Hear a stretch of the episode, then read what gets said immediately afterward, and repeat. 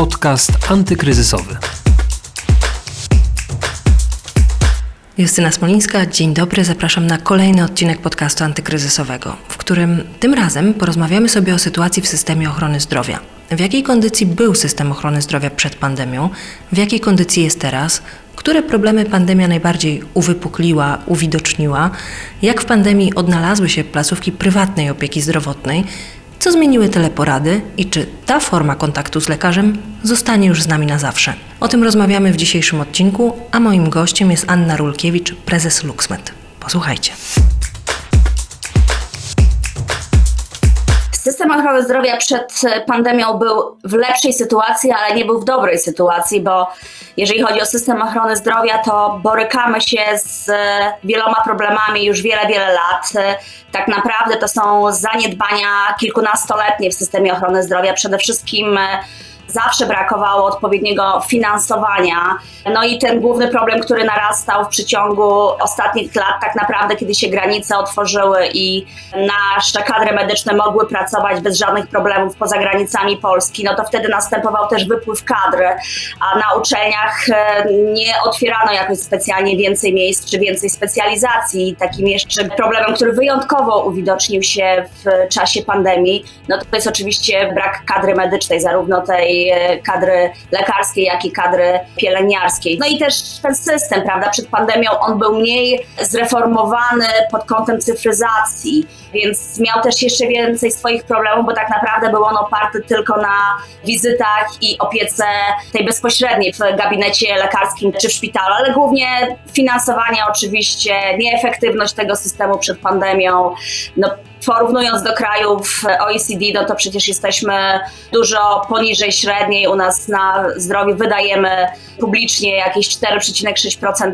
PKB, z sektorem prywatnym będzie to 6,4-6,5, a średnia krajów OECD no to jest w granicach 8-9%, czyli cały czas to finansowanie jest słabe, jesteśmy w tyle. No i dodatkowo chyba takiej sytuacji, jaką my mamy z kadrami medycznymi, to nie ma żaden kraj. No, u nas na tysiąc mieszkańców to przypada nam 2,4, jeżeli chodzi o zasób medyczny, przede wszystkim lekarza, więc to naprawdę jest bardzo słaba, bym powiedziała, dostępność do lekarza. Zanim przejdziemy do tej cyfryzacji, do teleporad, które chyba się sprawdziły, więc zanim przejdziemy do tych plusów, to jeszcze chciałam zapytać, w jakiej sytuacji w takim razie teraz, w jakiej kondycji jest system ochrony zdrowia już w czasie pandemii i co jest e, największym jego problemem, już poza może brakami w kadrze medycznej, bo to wiemy i to chyba najbardziej ta pandemia właśnie to uwypukliła, ale czy coś jeszcze? Wiadomo, że jeżeli system zdrowotny przed pandemią nie był w dobrej kondycji, no to pandemia uwidoczniła bardzo mocno wszystkie jego słabości, więc pogłębiła te słabości. Tu oczywiście już abstrahując od finansowania, ale pandemia spowodowała taką główną rzecz, że tak naprawdę przestaliśmy leczyć się albo w bardzo wąskim zakresie z kiepską dostępnością choroby inne niż COVID-19. W związku z tym cały system tak naprawdę został skierowany do walki e, z wirusem, by leczyć pacjentów covidowych, co spowodowało rosnący dług zdrowotny pacjentów. I ja bym powiedziała, że naprawdę dzisiaj takim e, problemem i systemu, ale przede wszystkim pacjentów to jest to, że stan ich zdrowia, szczególnie jeżeli były jakiekolwiek problemy zdrowotne, dzisiaj wielu pacjentów ma przede wszystkim pogorszenie tego stanu zdrowia i to bym widziała jako taki główny ból różniący stan teraz w trakcie pandemii, a przed pandemią, czyli ten dług zdrowotny, brak profilaktyki, bo ten dług zdrowotny jakby wyrasta z dwóch rzeczy, czyli nie leczenia chorób istniejących. Pacjenci byli w domach, często świadomie uważali, że będąc w domu, to będę zdrowszy, prawda, bo się nie narażę na wirusa, nie zarażę się, a z drugiej strony też trzeba sobie szczerze powiedzieć, że dostęp do usług zdrowotnych innych niż właśnie leczenie choroby tej pandemicznej, no spowodował, że pacjenci też, jeżeli nawet chcieli pójść, to często nie mogli się dostać, więc e, to jest jakby jeden obszar. Drugi obszar to jest profilaktyka, która została zupełnie zaniedbana. I ta profilaktyka została została zaniedbana w takim obszarze, jak oczywiście badania, te, które mamy, które robimy sobie tam raz do roku, prawda, raz na dwa lata, zgodnie z jakimś tam kalendarzem, prawda, profilaktycznym, kiedy dane badania powinniśmy robić, a z drugiej strony też taka profilaktyka, bym powiedziała, dbania samemu o własne zdrowie, no bo dostęp do tych miejsc, gdzie pacjenci mogli, czy obywatele nasi mogli mieć ruch i y, jakoś bardziej o siebie zadbać, też były pozamykane. No patrzmy, siłownie, które dopiero teraz będą otwierane, uprawianie sportu na wolnym powietrzu, w maseczce, no to też nie jest y, fajne, a jeszcze, żeby uprawiać sport na zewnątrz, no to też musi być odpowiednia pogoda, więc jakby wszystko wpłynęło na to, że tą sytuację mamy dużo trudniejszą, ale ja bym powiedziała jedną rzecz, bo tutaj stała się jedna rzecz istotna. Mało jest personelu, w związku z tym personel był przeszkalany w bardzo szybkim tempie, albo też nawet nie był do pracy na przykład z respiratorami, no bo przy tej chorobie covidowej, no to praca z respiratorem jest e, głównym narzędziem walki, prawda, już w odpowiednim stadium tej choroby i to jest jakby jedna rzecz, czyli niewystarczający personel powodował, że każde ręce na pokład były konieczne i nie zawsze ten wykwalifikowany personel, a z drugiej strony proszę zobaczyć, jak przemęczony jest personel. To na to warto zwrócić uwagę, bo naprawdę, ja bym powiedziała, jest mocne wypalenie tego personelu i to jest ciężka sytuacja, tak? Teraz jakby odzyskać siłę tego personelu to też e, czas, czyli potrzebujemy czasu na poprawę kondycji zdrowotnej e, Polaków, na wyjście z długu, no i oczywiście, no, żeby ten personel też doszedł do formy, by no, leczyć nasze wszystkie inne schorzenia, bo patrząc na zgony, które mamy w czasie pandemii, no to przecież 30% zgonów to jest ewidentnie przyczyna COVID-u, ale reszta to jest chorób współistniejących, czy nawet, nie wiem, późnego dotarcia do szpitala już z bardzo zaawansowaną chorobą. Czy w prywatnej opiece zdrowotnej też jest e, tak duży problem z kadrą medyczną? Też widzi Pani u siebie, że i kadra jest przemęczona, i jest e, problem, żeby pozyskać, zachęcić tych pracowników, zdobyć tych pracowników na rynku, żeby oni chcieli pracować, no bo pracować więcej to też trudno powiedzieć, bo oni chyba już nie są w stanie pracować więcej, ale żeby pozyskać na przykład nowy personel medyczny?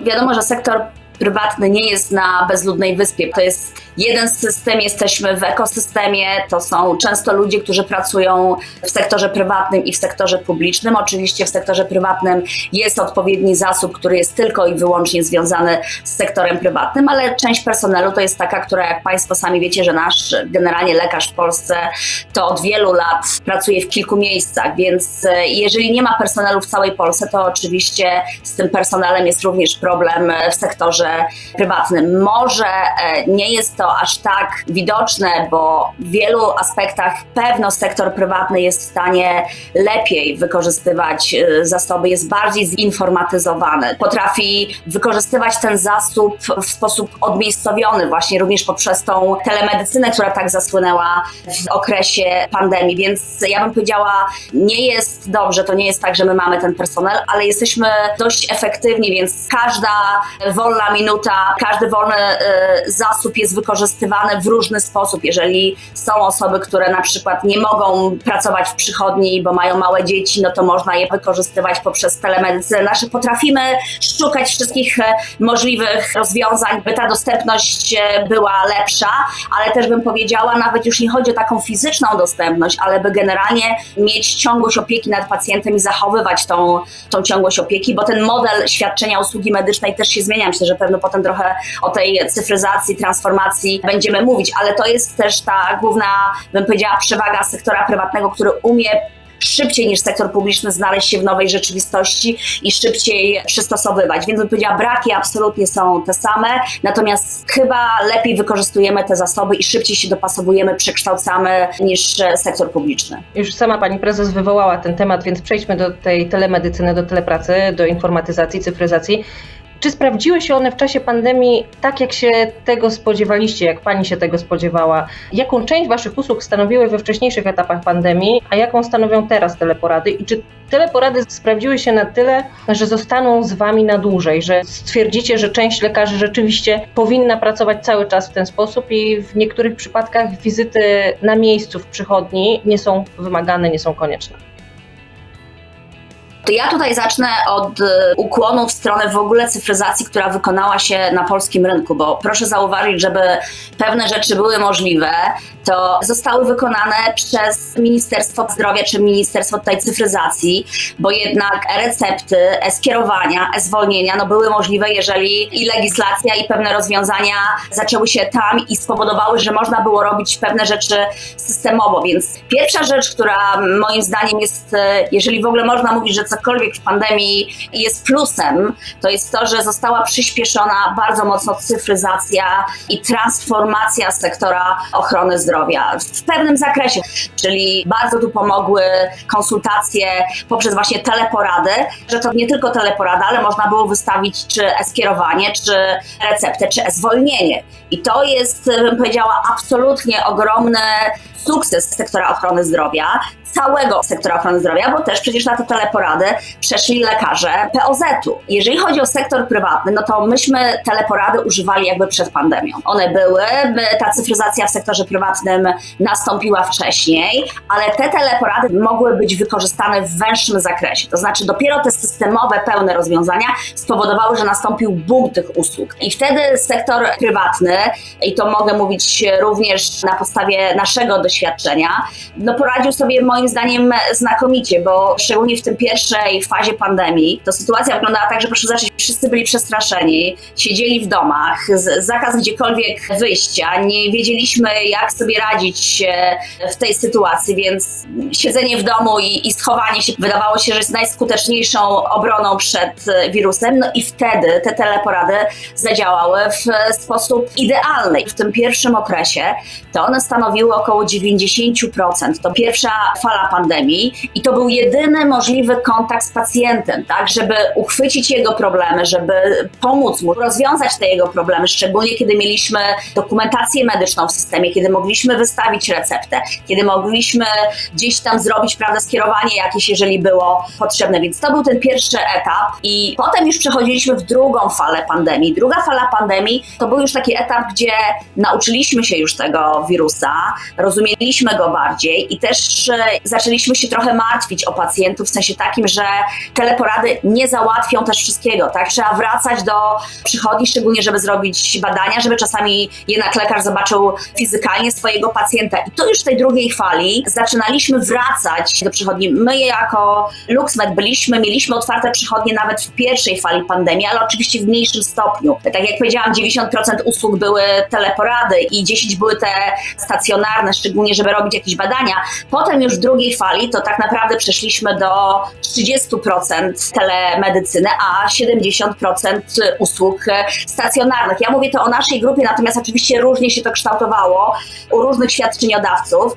Natomiast e, jeżeli ktoś mnie zapyta, bo wokół teleporad krąży wiele różnych opinii, prawda? Niektórzy mówią, że no jak ortopeda może rozmawiać z pacjentem poprzez teleporadę? No i oczywiście, że nie może, tak? I teraz tu chodzi o to, że teleporady nie nadużywane. I wydaje mi się, że jeżeli te teleporady są stosowane w odpowiedni sposób, to naprawdę ogrom problemów jesteśmy w stanie rozwiązać, bo często pacjenci dzwonią z błahymi problemami, wcale nie trzeba przychodzić do przychodni, można to szybko rozwiązać. Jeżeli na przykład, nie wiem, jest jakaś infekcja, nie przejdzie po trzech dniach, no to wtedy zaprasza się go do przychodni, ale wiele problemów rozwiązuje się nie obciążając tego systemu stacjonarnego. Więc ja powiem tak, teleporady niesamowicie się sprawdziły, tylko one muszą być mądrze wykorzystywane, nie nadużywane i one pozostaną z nami, dlatego że uważam, że naprawdę dużą część rzeczy jesteśmy w stanie rozwiązać e, poprzez rozmowę z lekarzem, poprzez sprawdzenie dokumentacji medycznej, ale ona musi być w systemie, poprzez wystawienie recepty zdalnie, czy skierowania na badania, jeżeli one są konieczne. I proszę zobaczyć, ile jest wizyt, nie ma takiego odpowiednika polskiego, to się nazywa taki follow-up wizyta, czyli przyszedłem nawet na stacjonarną wizytę, ale zapomniałem czegoś, nie zrozumiałem, łączę się z lekarzem, dopytuję, tak? Albo na przykład kontynuacja leczenia chorób przewlekłych. Nie ma często potrzeby w ogóle chodzenia do lekarza, bo to jest ta sama kontynuacja, robi się badania, sprawdza się parametry, przepisuje się e, leki, więc e, absolutnie one powinny zostać. One zostają na całym świecie jako element systemu, tylko to jest element wsparcia całego systemu, tak? My nie możemy przechodzić z skrajności w skrajność, że teraz nie będzie wizyt stacjonarnych, tylko wszystko to będzie działo się wcale, bo to jest niemożliwe. Ale ponieważ e, pacjentom też jest często wygodnie komunikować się zdalnie z telefonu, z komputera, w różnych miejscach, zapytać o coś, to ona na pewno będzie stałym elementem uzupełniającym, jeszcze raz mówię, uzupełniającym cały proces e, leczenia. I to jest ogromny przełom w naszym systemie ochrony zdrowia. Myślę, że są kraje, w których ta informatyzacja idzie jeszcze dalej. No to pionierem są oczywiście pionierem i takim bym powiedziała przykładem, z którego można brać e, naprawdę wiele ciekawych pomysłów, to są Stany Zjednoczone, gdzie tam już bardzo mocno zaawansowane są badania telemedyczne i monitorowanie stanu zdrowia. I myślę, że to się powoli będzie przesuwało również w naszą stronę. I jeszcze jedną rzecz powiem. Pandemia spowodowała jedną rzecz, że zarówno pacjenci zaczęli ufać teleporadom, bo na początku wszyscy się bali tych teleporad, ale również proszę zauważyć personel medyczny, dlatego że personel medyczny ponosi odpowiedzialność. Jeżeli coś się wydarzy, to jednak odpowiedzialność jest po stronie lekarza, czy pielęgniarki, które również udzielały teleporad i udzielają teleporad. Więc tutaj myślę, że takie przełamanie zarówno po jednej stronie, czyli pacjentów i, i personelu medycznego również nastąpiło i zmusiła nas do tego ta sytuacja, z którą mieliśmy do czynienia, no i mamy jeszcze, ale mam nadzieję, że to już jest schyłkowa faza pandemii. Mamy taką nadzieję, chociaż zabrzmiało to trochę, jakbyśmy znalazły jakiś plus tej pandemii. Rozwinięcie tych teleporad brzmi dość optymistycznie. Pani prezes, zanim przejdziemy jeszcze do wniosków, które możemy wyciągnąć z tej pandemii, to proszę powiedzieć, jak ona wpłynęła na Waszą działalność i co musieliście zmienić, co przemodelować w swoim e, biznesie, żeby to dobrze funkcjonowało? No poza teleporadami, o których już zdążyłyśmy powiedzieć, ale jak ta pandemia wpłynęła na Wasze wyniki finansowe też między innymi? Nie ma nic gorszego niż ta pandemia. I żebyśmy tutaj się dobrze zrozumieli. Tylko no my jesteśmy ludźmi, którzy muszą patrzeć też do przodu i wyciągać się to, co w tej pandemii można wyciągnąć i może zmienić nasz system zdrowotny. I absolutnie te teleporady nie są niczym radosnym, ale radosnym w sensie takim, że pomogły wielu pacjentom przejść przez tą długą, długą drogę. I to jest jedna z lekcji, którą wyciągamy i wiemy, że to jest coś, co z tej pandemii zostanie, tylko musi być mądrze w tym systemie wykorzystane. Więc ja myślę, że, że nikt z nas nie będzie tej pandemii w żaden sposób dobrze wspominał, tym bardziej, że ona dotyka każdego z nas i dotyka bardzo boleśnie, więc to nie to, ale ta pandemia bardzo mocno obnażyła system ochrony zdrowia. I naprawdę, jeżeli teraz my się nie ogarniemy jako rządzący, jako też naród, że jednak zdrowie jest największą wartością i jakby mnie pani zapytała o tą główną lekcję, to ja pani powiem, że dla mnie główną lekcją jest, że nie będzie ekonomii, nie będzie gospodarki, nie będzie zadowolenia, nie będzie szczęścia bez zdrowia.